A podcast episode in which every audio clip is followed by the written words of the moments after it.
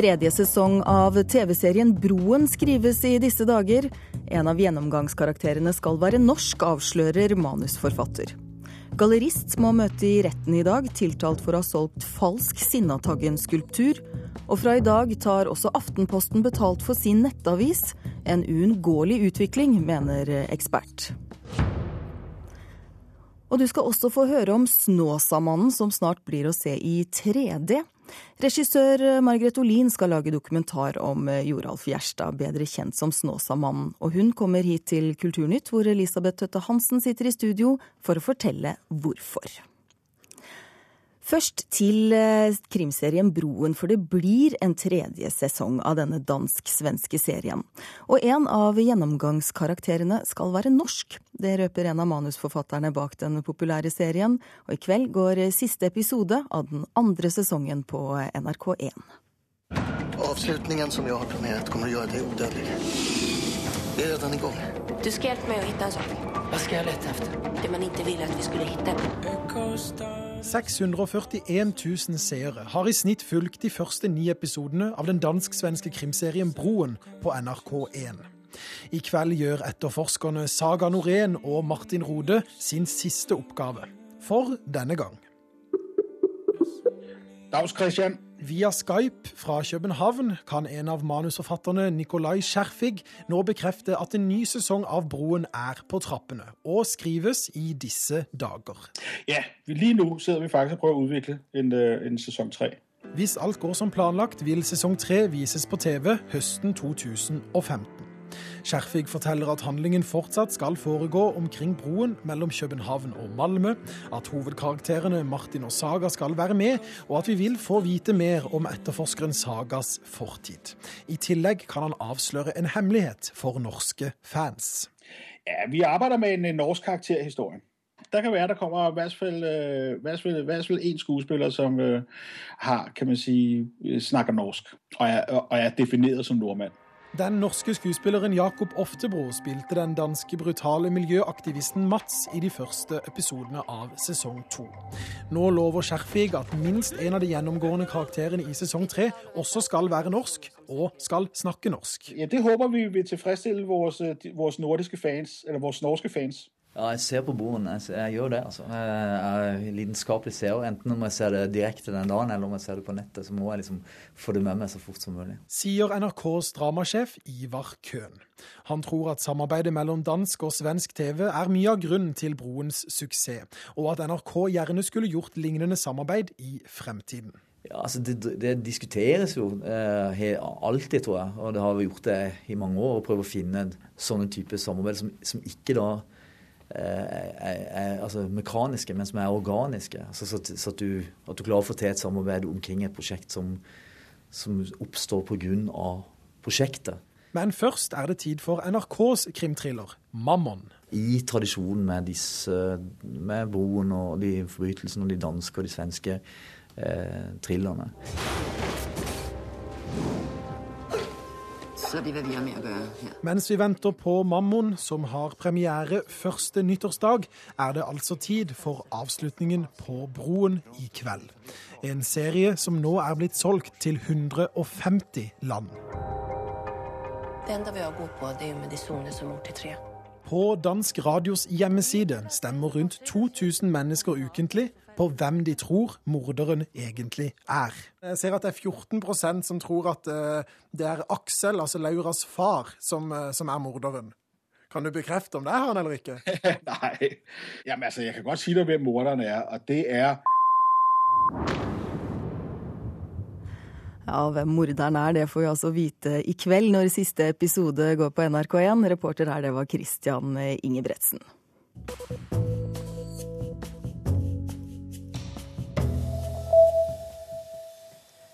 I helgen feiret den britiske science fiction-serien Dr. Who 50-årsjubileum med en spesialepisode. På lørdag, 50-årsdagen for den første episoden, sendte 1500 kinoer over hele verden og britisk fjernsyn nettopp denne episoden. Og med det mener BBC å ha laget verdens største simultansending av et TV-drama noensinne. Skuespiller Anders Baasmo Christiansen skal være med i juryen som velger ut de ti skuespillerne som skal være shooting star under filmfestivalen i Berlin, skriver VG. Christiansen fikk selv tittelen i 2010, og er eneste skuespiller i juryen på fem personer fra hele Europa. Shooting Star er en prestisjefylt tittel, og prosjektet er det European Film Foundation som eh, står for og fire av fem bergensere sier nei til bybane over den bevaringsverdige Bryggen i Bergen. Det kommer frem i en fersk undersøkelse Respons har gjennomført for Bergens Tidende. Kun 15% av de spurte vil la banen gå i en åpen trasé forbi kulturminnet. Traseen over Bryggen har vært heftig debattert i Bergen, og denne uken blir mye avgjort politisk. Høyre skal bestemme seg i morgen, Arbeiderpartiet på torsdag.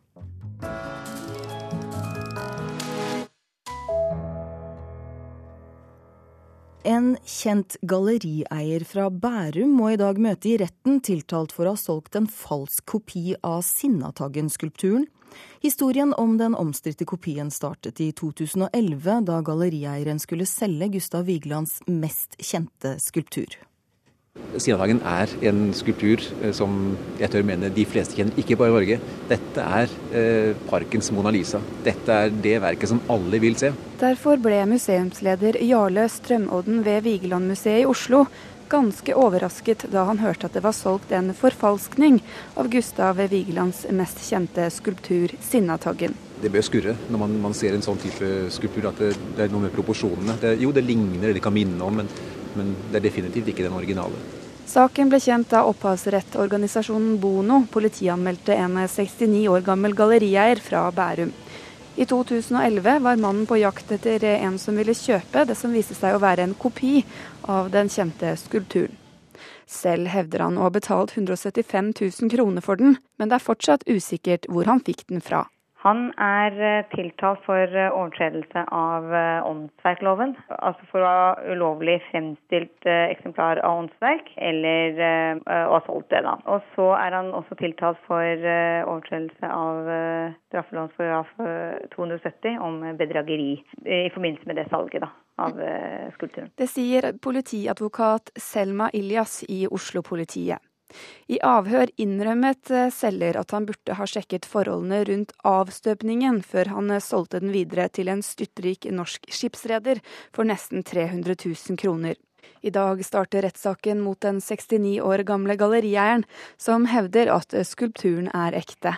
Så vidt jeg vet, så hevdes det at det er en av de såkalte juniorstøpene som er blitt støpt opp av Vigelands sønn Vigeland jr. Og det vi tenker om det, er jo at det ikke er riktig. Og det er store ulik ulikheter mellom denne skulpturen og de som er blitt fremstilt av eh, Vigeland jr. Er det en god kopi? Skal jeg være slem, så vil jeg si at nei, det er ikke det. Og Sånn sett så kan man jo på vegne av Vigeland føle seg litt eh, støtt eller skuffet over at de, de burde gjort det bedre. Sånn for, som en eh, fagperson, som jeg, mine kolleger, vil se med en gang at dette her er ikke Vigeland. Ikke som vi kjenner Vigeland, iallfall. Og jeg tør mene at uh, er man innenfor kunstfeltet, så skal man kunne se det der også. Reporter Anette Holt Hansen.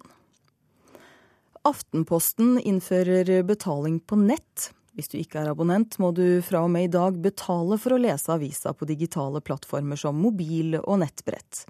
Flere andre norske aviser har gått foran, og nå er turen kommet til Norges største avis. I Aftenposten jobber vi hver dag med å skape engasjement for det som er vesentlig. Uansett om du starter dagen med avisen, for deretter å se et intervju om saken i A-magasinet på nettbrett. Så langt reklamen. Fra og med i dag kan du lese åtte nettartikler i uken gratis. Alt annet må du betale for. Vi gjør ikke dette for moro skyld, sier sjefredaktør i Aftenposten Hilde Haugsgjerd. Det ene er at eh, digitaliseringen har ført til at annonsørene forflytter seg fra papir over i kanaler som gir oss mye mindre inntekter, men som først og fremst går til Google og Facebook og vekk fra mediehusene. Eh, og for det andre fordi at lesingen og, og konsumet av journalistikk går, forflytter seg også fra papir til digitale kanaler. Så hvis man ikke betaler for det, også fra lesernes eh, ståsted, så vil ikke et mediehus som Aftenposten i lange løp være liv laga. Førsteamanuensis Erik Vilberg, Institutt for strategi og logistikk ved Handelshøyskolen BI, mener det er helt forståelig at Aftenposten ikke lenger er gratis på nett. Nei, Det er jo fordi de er helt nødt til å gjøre det. Det har jo vært slik at uh, Avisen har gitt bort uh, sin kjernetjeneste gratis i veldig mange år. og Behovet har jo vært for å ta betalt hele tiden, men de færreste har våget å gjøre noe med det. Men nå er tiden inne til å gjøre noe med det. Alle avisene i Schibsted-konsernet tar seg nå betalt for produktene, enten det er papiravisen eller de digitale utgavene. Løssalgsavisene legger utvalgte artikler bak betalingsmuren, abonnementsavisene krever at leserne abonnerer. Regionsavisen på Sørlandet, Fedrelandsvennen, var først ut av Skipsted-avisene. Tall fra konsernet viser at opplagsfallet er stanset siden det ble innført betaling sommeren 2012. For lokalavisen Hallingdølen var det et spørsmål om å leve eller dø. Det som var utgangspunktet vårt, det var jo å stoppe et opplagsfall som vi hadde hatt over de tre-fire foregående åra. Og det har vi klart. Vi har stoppa opplagsfallet, det er i hvert fall bremsa svært kraftig opp. Og det var viktig for oss, og det er vi veldig fornøyd med. Ansvarlig redaktør Bjarne Tormodsgard har ikke fått så mange nye abonnenter, men han har stanset leseflukten. Forsøker du å lese Hallingdølen på nett, brett eller mobil, kan artikkelen stanse midt i et ord, og du får beskjed om at hvis du vil lese mer, må du bli abonnent. Aftenposten har valgt en annen modell, inspirert av New York Times. Lesemarkedsdirektør Carl Vestli forteller hvorfor. Erfaringene fra Eh, mange andre eh, mediehus som har gjort det samme eh, både i Norge og internasjonalt, tilsier at dette her er noe både leserne og de digitale brukerne vil sette pris på. Så vi tror absolutt at dette er en modell som også for Aftenposten kommer til å lykkes. Modellene er mange, men avisene hevder at resultatene er gode. Bergens Tidende innførte brukerbetaling i januar i år. Da mistet avisen i gjennomsnitt ti abonnenter hver dag. I løpet av de første ti dagene etter at betaling ble innført, selger avisen rundt 80 abonnementer hver dag, opplyser Skipsted-konsernet. Erik Vilberg på BI tror utviklingen er uunngåelig, men liker ikke uttrykket betalingsmur akkurat som at noen skulle sperres enten inne eller ute. Det å ha en, eh, en redigert eh, utgave, eller en kommentert utgave, en eh, kuratert, for å kalle det sånn, det tror jeg er veldig nyttig, og det tror jeg er viktig også for utviklingen av demokratiet. Sa førsteamanuensis ved Handelshøyskolen BI Erik Vilberg til reporter Tone Staude. Klokka er 15 minutter over åtte. Du hører på Kulturnytt i P2s Nyhetsmorgen, hvor de viktigste sakene nå er at rundt ti norske statsborgere som har konvertert til islam, har reist til Syria for å kjempe i borgerkrigen. Opposisjonen er overrasket over regjeringens signaler om fortsatt militær deltakelse i Afghanistan, og Pensjonistforbundet frykter at lavere bankgarantier vil ramme eldre. Norge kan bli tvunget til å innføre EUs standard. Og Senere i sendingen så skal vi også til Troms, hvor videregående elever bruker musikk og video for å protestere mot kutt i estetiske skolefag. Den prisbelønte regissøren eh, Margaret Olin skal lage film om Joralf Gjerstad, bedre kjent som Snåsamannen. Filmen Gop det blir en helaftens dokumentarfilm i 3D, Margaret Olin. Velkommen hit til Kulturnytt. Takk. Du, hvorfor vil du lage en dokumentar om nettopp eh, Joralf Gjerstad? Jeg har kjent til og hørt om Joralf lenge. Min eldste datter, som snart blir 22 år, Maria, eh, hun er i slekt med Joralf på farssiden sin. Så veldig lenge når jeg kom inn i den familien, så snakka man om Trollgubben. Eh, Seinere så har jo Joralf eh, etter boka om han kom, blitt kjent for hele Norges befolkning og, og blitt en, en, fremtredende mann i norsk offentlighet. Men jeg har vel alltid kjent at det ligger der at en, en gang så, så jeg gjøre noe med Joralf. Men du, du, snakker jo nettopp om, om, boka som kom, og det ble skrevet veldig mye om eh, Snåsamannen etter at denne boka kom i 2008. Hvilke historier er det som da ikke har blitt fortalt om han, som du nå eventuelt vil få fram? Ja, nei, Det tror jeg man må komme på kino for å se, men, men det er jo klart at film er jo et helt annet medium enn en bok. Eh, og det er jo også sånn at jeg tenker en tredeling i denne filmen. Jeg tenker at eh, vi skal få være med når, eh, når Joralf treffer noen av sine pasienter. Vi skal være med når det skjer. Hva er det Joralf gjør? Hvorfor lykkes han i å hjelpe utsatte? Eh, både hvordan Joralf snakker med folk, men også det faktum da at eh, det påstås eh, av de som får hjelp av han, at han har varme hender. Og hva er dette? Så er det også at Joralf har en fantastisk eh, livshistorie. Eh, og samtidig så ønsker jeg å gå inn i en dialog med Joralf og kanskje også prøve å visualisere hva denne kraften består i. Ja, for Hva tror du selv på, da, denne kraften du snakker om? Har han eh, det vi kanskje kan kalle magiske evner? Um, altså det, det, som er vanskelig å bestride, det er at Joralf har varme hender. Uh, når jeg var oppe hos ham for et år siden, så tar han meg i handa. Og uh, han har en helt vanlig kroppstemperatur. Han legger handa på skuldra, og det er en helt vanlig kroppstemperatur. Så tar han handa litt ut fra kroppen min uh, og da er det som å få en stråleovn inntil huden. Eh, han kan også ta handa og lage en varmesirkel på gulvet, og så går du inni, og så strømmer varmen opp gjennom kroppen. Og hva det er, det har ikke noen forklaring nå her i Kulturnytt. men, men, eh, men, det er vanskelig å bestride. Altså Leger, skeptikere, og forskere og andre har jo latt seg eh, Har også kjent på dette. Eh, og det er noe der. Det er det. Mm -hmm. Noe spesielt, altså. Noe, noe spesielt er det med Joralf. Du, du, eh, skal kalle, eller du har kalt filmen din eh, som nå kommer, for God. Mm. Hvorfor det? Det vil bli mitt første helaftens portrett, og jeg har da sagt at jeg vil lage et portrett av et menneske som har gått. Når jeg holdt på med min forrige film 'De andre', eh, på en av flyturene tilbake til Aten, eh, og jeg hadde vært våken i tre døgn, jeg hadde vært inne i fengslene og sett hvordan papirløse eh, blir behandla på en måte som man ikke tror er mulig i vår tid i Europa. Og det har vært mye jeg har sett inn i, i de siste prosjektene mine. Og da hadde jeg plutselig skrevet i notatboka mi at jeg vet hva ondskap er, og jeg vet hvor den kommer fra. Og det var litt sånn sjokk å lese det. Og i arbeidet med den filmen så er det nok sånn at jeg må ta veldig på alvor hva det betyr å gå inn i eh, dypt traumatiserte ungdommens liv. Um, og jeg kjenner at jeg er nødt til å gjøre noe annet.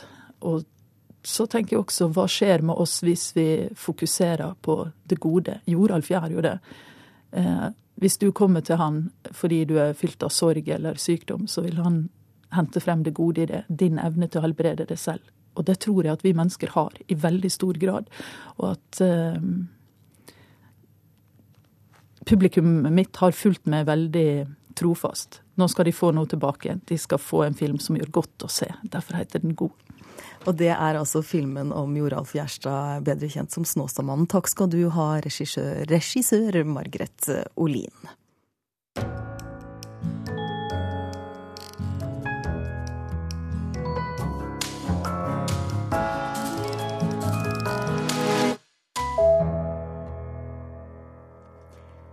Tirsdag kåret Brage-juryen romanen 'Så vakker du er' til årets beste norske barne- og ungdomsbok. Brynjulf Jung Kjønnes bok er en verdig vinner, sier vår anmelder Anne Katrine Straume. Så vakker du er, kunne jeg nesten sagt til denne lille romanen, hvis en roman var tilsnakkendes. Så vakker og vond du er. For Brynjulf Jung Kjønn går inn i noe av det vanskeligste man kan skrive om for ungdom. Sykdom og død ja, det er vondt, men ekstra vondt gjør beskrivelsene av forfallet, skildringen av en sunn kropp og et levende menneske som litt etter litt reduseres av sykdom.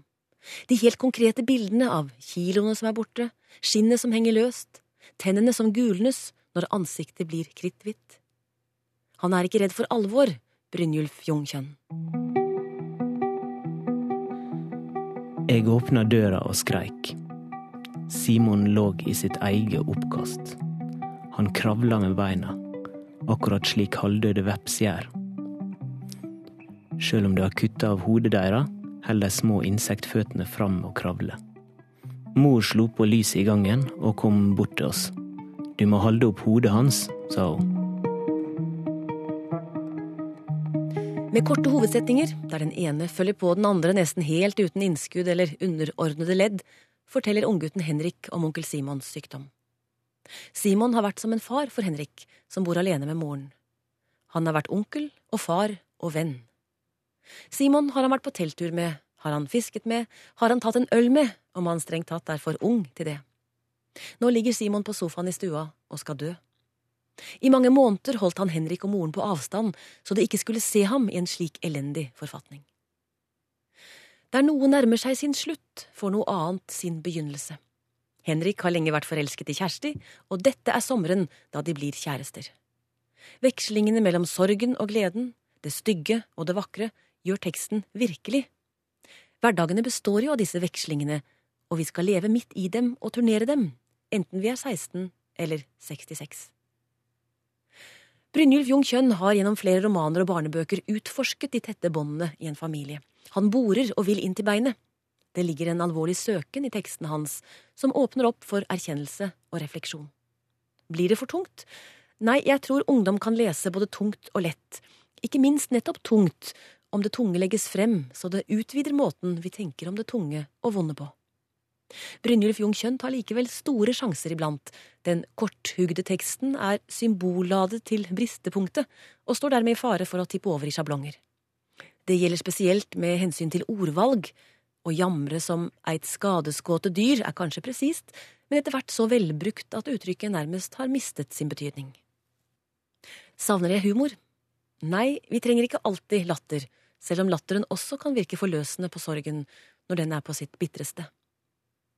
Jeg leser Så vakker du er som en oppfordring til å ta vare på de mulighetene for lykke som byr seg, samtidig som man lever i og gjennom en sorg. Som alle gode ungdomsromaner kan også denne boken mer enn gjerne leses av voksne. Anne Katrine Straume anmeldte Brynjulf Jung Kjønns eh, ungdomsroman 'Så vakker du er', som altså fikk Brageprisen i forrige uke. Og denne og flere bokanmeldelser finner du på vår nettside nrk.no. Og så til Troms, hvor det er sterke reaksjoner fra både kulturinstitusjoner, lærere og forskere mot at de kreative fagene er blant de som rammes hardest når det skal kuttes i det videregående skoletilbudet. Elevene selv protesterer på den mest naturlige måten, ved å bruke det de har lært innen både film, dans, grafikk og musikk.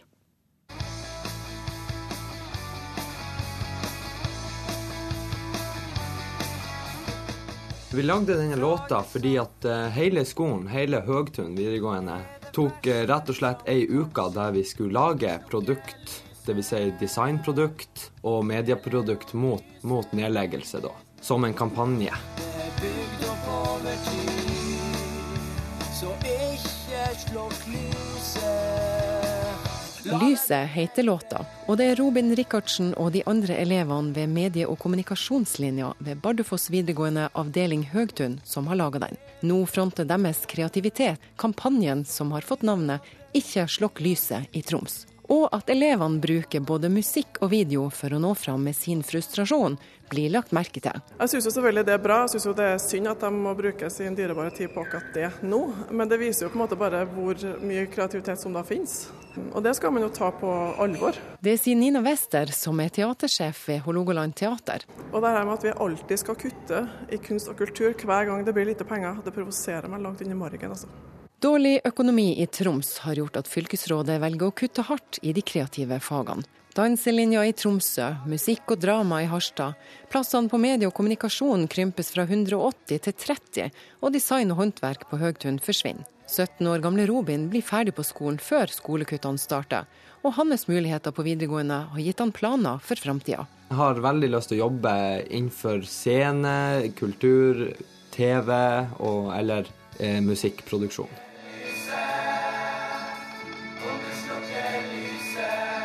Det er sånne framtidsdrømmer mange er redd skal ødelegges i Nord-Norge med de kuttene som nå skjer. Kampen om de menneskelige ressursene handler ikke om å begrense ungdommene sine valg.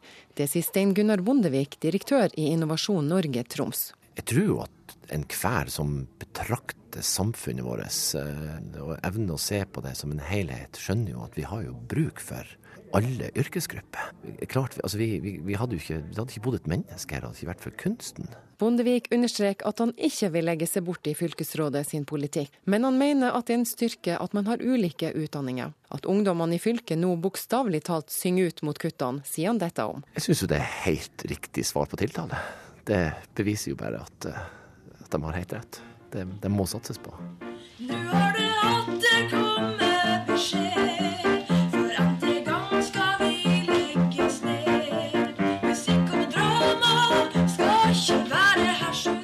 I Harstad synges det også, og i Tromsø danses det i gater, på busser og selvfølgelig på nett. Samtidig som ungdommene synliggjør sine talenter, får de støtte fra flere kulturinstitusjoner og artister som sjøl har starta sine karrierer på disse linjene. Nina Wester er redd at disse nedskjæringene kan ramme Nord-Norge i framtida. Fordi at eh, jeg tror at det vil være færre talenter herfra som vil eh, få muligheten til å utvikle seg, rett og slett.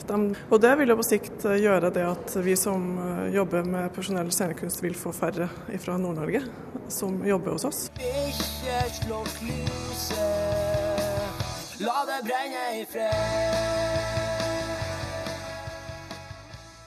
Fylkesråd for utdanning i Troms, Magnus Mæland, har tidligere uttalt at kuttene i de estetiske fagene kommer fordi dette er dyre linjer, og fordi han mener søknaden til enkelte fag er eh, for dårlig. Reporter, det var Hege Irén Hansen. Og med det så er Kulturnytt slutt for denne gang.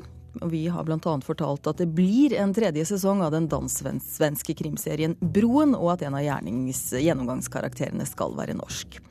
Du har fått Kulturnytt av Birger Kålsrud Jåsund, Hilde Volden og Elisabeth Tøtte Hansen.